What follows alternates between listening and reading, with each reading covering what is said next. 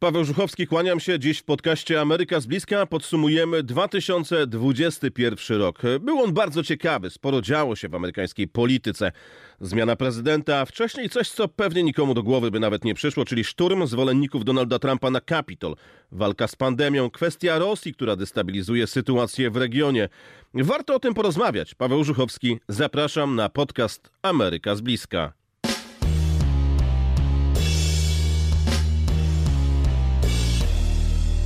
Tradycyjnie na początku zapraszam wszystkich serdecznie, by obserwowali moje konto na Instagramie, dlatego że to, o czym tutaj mówię, pokazuję właśnie na Instagramie. Jeżeli mówię o protestach, to protesty widzicie na Instagramie. Jeżeli mówię o ważnych e, sprawach, które dzieją się w Białym Domu, no to oczywiście e, widzicie to na Instagramie. Mm, jeżeli mówię o ważnym przemówieniu prezydenta, to również zobaczycie to na Instagramie. Pokazuję też kulisy reporterskiej pracy. Zatem, kiedy wchodzę na żywo na antenę, często pokazuję to jak to wygląda z drugiej strony. Kiedy idę do Białego Domu, też włączam kamerę i wam to pokazuję. Serdecznie zapraszam. Moje konto odnajdziecie wpisując moje imię i nazwisko w wyszukiwarkę Instagrama. Przypomnę, Paweł Żuchowski. Za chwilę minie rok od zaprzysiężenia Joe Bidena na 46. prezydenta Stanów Zjednoczonych. Wielu wiązało ogromne nadzieje ze zmianą prezydenta. Joe Biden startował z wysokim poparciem. Co zostało z tego na chwilę przed rocznicą zaprzysiężenia? I jakie szanse ma Biden na reelekcję? Tak, reelekcję, bo choć dziś wielu twierdzi, że Biden ze względu na wiek nie będzie w stanie stanąć do wyborczej walki, to sekretarz prasowa Białego Domu nie tak dawno powiedziała, że Biden myśli o drugiej kadencji. Popatrzmy na badania poparcia w tej chwili. Wiadomo, że one różnią się od siebie. Trudno wyciągać jakieś wnioski, ale warto o nich opowiedzieć. Do kolejnych wyborów sporo czasu, wszystko może się jeszcze zmienić. Biden ma w tej chwili od 38 do 42% poparcia według różnych sondaży. Podkreślam, według różnych sondaży. Jedne są dla niego lepsze, drugie gorsze. Ale jedno to, co trzeba stwierdzić, poparcie dla Bidena na chwilę przed rocznicą objęcia urzędu spada. To najniższe poparcie dla Bidena od początku jego prezydentury. Nie minął rok, przypomnę. Są takie badania, które mówią, że Biden, gdyby dziś odbyły się wybory, przegrałby z Trumpem. Bardzo niskie są też notowania Kamali Harris, e, czyli wiceprezydent Stanów Zjednoczonych, która teoretycznie mogłaby wystartować w wyborach prezydenckich w 2024 roku. Jednak szanse na ich wygranie ma raczej małe. Kamala Harris na początku prezydentury była bardzo aktywna, bardzo często pokazywano ją w towarzystwie prezydenta. Pojawiły się nawet takie komentarze, że to ona tak naprawdę sprawuje władzę. Krótko po serii takich komentarzy Kamala Harris stała się, tak powiedziałbym delikatnie, mniej widoczna. Być może Biały Dom uznał, że zbyt duża aktywność wiceprezydent szkodzi prezydentowi. Komentowano nawet zdjęcie z początku prezydentury, gdy w Białym Domu zrobiono zdjęcie całego gabinetu Bidena. Na pierwszy plan wysuwała się nieznacznie Kamala Harris. Jej krzesło, na którym siedziała, było delikatnie bliżej mm, obiektywu. Niektórzy nawet tu doszukiwali się czegoś. Mniej więcej w tym samym czasie bardzo aktywna stała się Jill Biden, pierwsza dama USA. Jill Biden wzięła na siebie bardzo dużo obowiązków. Podróżuje z Bidenem, ale też podróżuje sama. Odwiedza szkoły, szpitale, mocno angażuje się w różnego rodzaju akcje, także te promujące szczepienia. Początek roku zdominowały dwa wydarzenia. Oczywiście zaprzysiężenie Joe Bidena w styczniu, ale styczeń jest przypominany też z innego powodu. 6 stycznia zwolennicy Donalda Trumpa zaatakowali Capitol. Wtargnęli do budynku, gdy trwał proces zatwierdzania wyborów. Krzyczeli powiesić Mike'a Pence'a, czyli wiceprezydenta USA. Domagali się od niego, by podważył legalność wyborów w USA.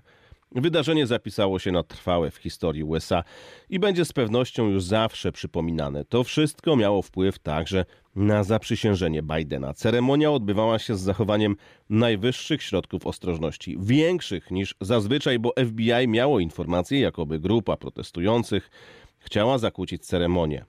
Waszyngton wyglądał jak twierdza. Płoty, betonowe bloki, Gwardia Narodowa na ulicach, mnóstwo policji, sam Donald Trump nie wziął udziału w ceremonii, nie pojechał na Kapitol, nie podtrzymał tradycji przekazywania władzy. To też zawsze już będzie przypominane przy okazji zaprzysiężania kolejnego przywódcy Stanów Zjednoczonych. Donald Trump dotąd nie zaakceptował przegranej, nie pogodził się z tym, że przestał być prezydentem, choć wiemy, że marzy o powrocie do Waszyngtonu. Czy ma szansę? Tu znów są różne sondaże i różne opinie, ale wśród republikanów trwa dyskusja, czy Trump powinien ponownie startować. Coraz głośniej mówi się o kandydaturze gubernatora Florydy, który mógłby pokrzyżować Trumpowi plan powrotu do Białego Domu. Ma podobne poglądy do Trumpa, jednak jest młodszy mm, i nie ma na koncie tylu spraw co Trump, które mu się wypomina. Dla republikanów może być więc alternatywą w czasie decydowania, kto będzie kandydatem tej partii w wyborach prezydenckich. Swoją drogą Trump i gubernator Florydy przyjaźnią się. W kilku badaniach wyszło, że faktycznie większą popularność wkrótce może mieć właśnie i większą popularnością może cieszyć się właśnie gubernator Florydy. On też zupełnie inaczej dobiera słowa, chociaż można znaleźć pewnego rodzaju podobieństwa, jeżeli chodzi o przekonania. Co powoduje, że spada poparcie dla, dla Bidena? Dokładnie to, co mówiłem wiele miesięcy temu, przewidując, że tak się stanie.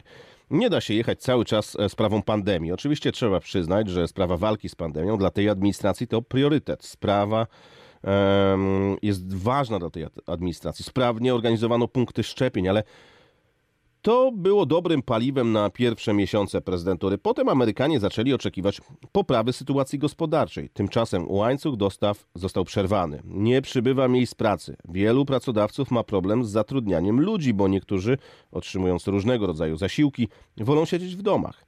Jeżeli nie zmieni się nic w tej sprawie, poparcie dla Bidena nie wzrośnie. Amerykanie oczekują zmian. Biden ma na swoim koncie sukces, to jego plan inwestycji w infrastrukturę. Ale tu efektów nie będzie widać z dnia na dzień. To nie da szybko wzrostu poparcia. Może za kilkanaście czy kilkadziesiąt lat będzie można powiedzieć, że dzisiejsze decyzje Bidena doprowadziły do tego, że Ameryka została zmodernizowana, wyremontowana. Ale na to potrzeba czasu i też nie wiemy, czy to się uda tak naprawdę. Mocno Bidena osłabiła sprawa wycofania latem żołnierzy z Afganistanu. Sceny z Kabulu pokazywane były na całym świecie. Po 20 latach Amerykanie tak naprawdę uciekali z Afganistanu, a talibowie przejęli władzę. Wielu wojskowych przewidywało, że tak będzie. Uważali jednak, że afgańska armia podejmie walkę. Ta armia, która była przez Amerykanów e, tak długo szkolona. Stało się jednak inaczej. Świat zobaczył amerykańską bezradność. E, oczywiście obciążyło to Bidena. Teraz jest pytanie, co wydarzy się w Afganistanie w najbliższym czasie. Szef Centralnego Dowództwa USA, generał Frank, Frank McKenzie, ocenia, że liczebność dżihadystów Al-Kaidy w Afganistanie nieco wzrosła od czasu opuszczenia kraju przez siły amerykańskie. McKenzie powiedział, że opuszczenie Afganistanu przez wywiad i wojska USA spowodowało trudności w śledzeniu e, poczynań Al-Kaidy i innych ekstremistycznych grup działających w tym kraju. Nasze zdolności do śledzenia wydarzeń w Afganistanie wynoszą prawdopodobnie no, 1-2% zdolności, jakie kiedyś mieliśmy, skomentował generał. Dodał, że sprawia to, iż upewnienie się, że Al-Kaida i grupy powiązane z państwem islamskim nie stanowią potencjalnego zagrożenia dla Stanów Zjednoczonych, jest utrudnione. W trakcie swojego przemówienia w Pentagonie McKenzie stwierdził, że to jest jasne, że mm, Al-Kaida próbuje odbudować swoją obecność w Afganistanie. To z bazy w tym kraju organizacja ta zaplanowała ataki z 11 września 2001 roku. Były one bezpośrednią przyczyną amerykańskiej interwencji zbrojnej, która doprowadziła do obalenia władzy talibów. Talibowie ponownie przejęli rządy w Afganistanie w sierpniu po wycofaniu się wojsk USA. Mackenzie oraz inni wojskowi i urzędnicy ostrzegali, że wycofanie wojsk skomplikuje kontrolowanie zagrożenia ze strony Al-Kaidy, zarówno z powodu utraty informacji zdobywanych przez wywiad wojskowy na miejscu, jak i ze względu na nowy rząd w Kabulu, który nie jest przyjaźnie nastawiony do Stanów Zjednoczonych. Al-Kaida to tylko jedna z wielu grup ekstremistycznych obecnych w Afganistanie. Po 2001 roku straciła dużo bojowników i tym samym możliwość zagrożenia Stanom Zjednoczonym. Jednak generał Mackenzie uważa, że jednym z jej celów pozostaje atak na Stany Zjednoczone. Mackenzie uważa, że nie jest jasne, jak silnie talibowie zareagują na wrogie wobec nich działania mm, ISIS, które jest oskarżane przez USA o zabicie 13 żołnierzy i co najmniej 169 Afgańczyków na lotnisku w Kabulu w ostatnich dniach wycofania się z kraju sił amerykańskich. Według generała Bardziej złożonym problemem dla talibów może być jednak Al-Kaida. Chcielibyśmy zobaczyć, że talibowie zajmują silne stanowisko wobec Al-Kaidy, powiedział McKenzie. Generał uważa, że część członków Al-Kaidy na pewno powróciła do Afganistanu po wycofaniu się stamtąd amerykańskich wojsk. Amerykanie nie są jednak w stanie dokładnie oszacować obecnej liczby członków Al-Kaidy w Afganistanie. Jeżeli doszłoby do zamachu na Stany Zjednoczone, Biden poniesie polityczne konsekwencje za swoje decyzje. I tu nie ma w ogóle wątpliwości, że tak by było. Teraz Bidena mocno zajmuje sprawa Rosji. Tu też brak jakiegoś sukcesu w rozwiązaniu konfliktu będzie odbijać się na poparciu. Amerykanie będą oceniać Bidena, czy jest w stanie sprawnie prowadzić politykę międzynarodową, rozwiązywać konflikty, przewodzić. Biden sporo obiecał, e, że zmieni w międzynarodowych relacjach. Zapowiadał polepszenie relacji z Europą i to chyba mu się udało, choć przez wielu sojuszników, choćby tych z Polski, jest krytykowany za brak sankcji na Nord Stream 2. Dla Bidena był to trudny rok także z powodu klęsk żywiołowych. Latem USA nawiedziły huragany i powodzie. Ogromne obszary zostały zniszczone, zginęło wielu ludzi. Biden podchodzi poważnie do spraw zmian klimatu. W grudniu także USA mierzyły się z katastrofą. 30 tornad uderzyło w kilka amerykańskich stanów, powodując ogromne zniszczenia. Biden ogłosił, że tornada należy uznać za poważną katastrofę naturalną na poziomie federalnym, co pozwoliło na uruchomienie dodatkowej pomocy rządowej dla stanu. Będzie ona obejmować dotacje na tymczasowe schronienia i naprawę domów, a także pożyczki dla właścicieli zniszczonych i nieubezpieczonych nieruchomości oraz inne programy pomocowe. Ludzie jednak stracili cały dobytek. Odbudowa miast, a niektóre zostały dosłownie zmiecione z powierzchni ziemi, zajmie wiele miesięcy czy lat. Od tego, jak sobie z tym poradzi administracja, będzie wpływać no, to wszystko na poparcie dla Joe Bidena. Na pewno ten pierwszy rok prezydentury nie jest łatwy dla Bidena, ale jak zgodnie podkreślają komentatorzy, startując w wyborach prezydenckich, musiał się liczyć z tym, że prezydentura to po prostu ciężki kawałek chleba.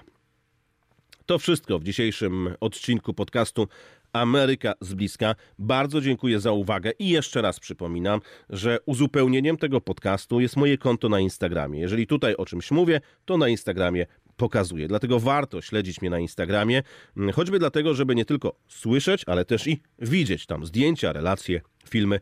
Serdecznie zapraszam. Moje konto na Instagramie odnajdziecie wpisując w wyszukiwarkę Instagrama właśnie moje imię i nazwisko. I wtedy musicie tylko kliknąć, by dołączyć do grona obserwujących. Paweł Żuchowski, dziękuję bardzo, do zobaczenia i do usłyszenia.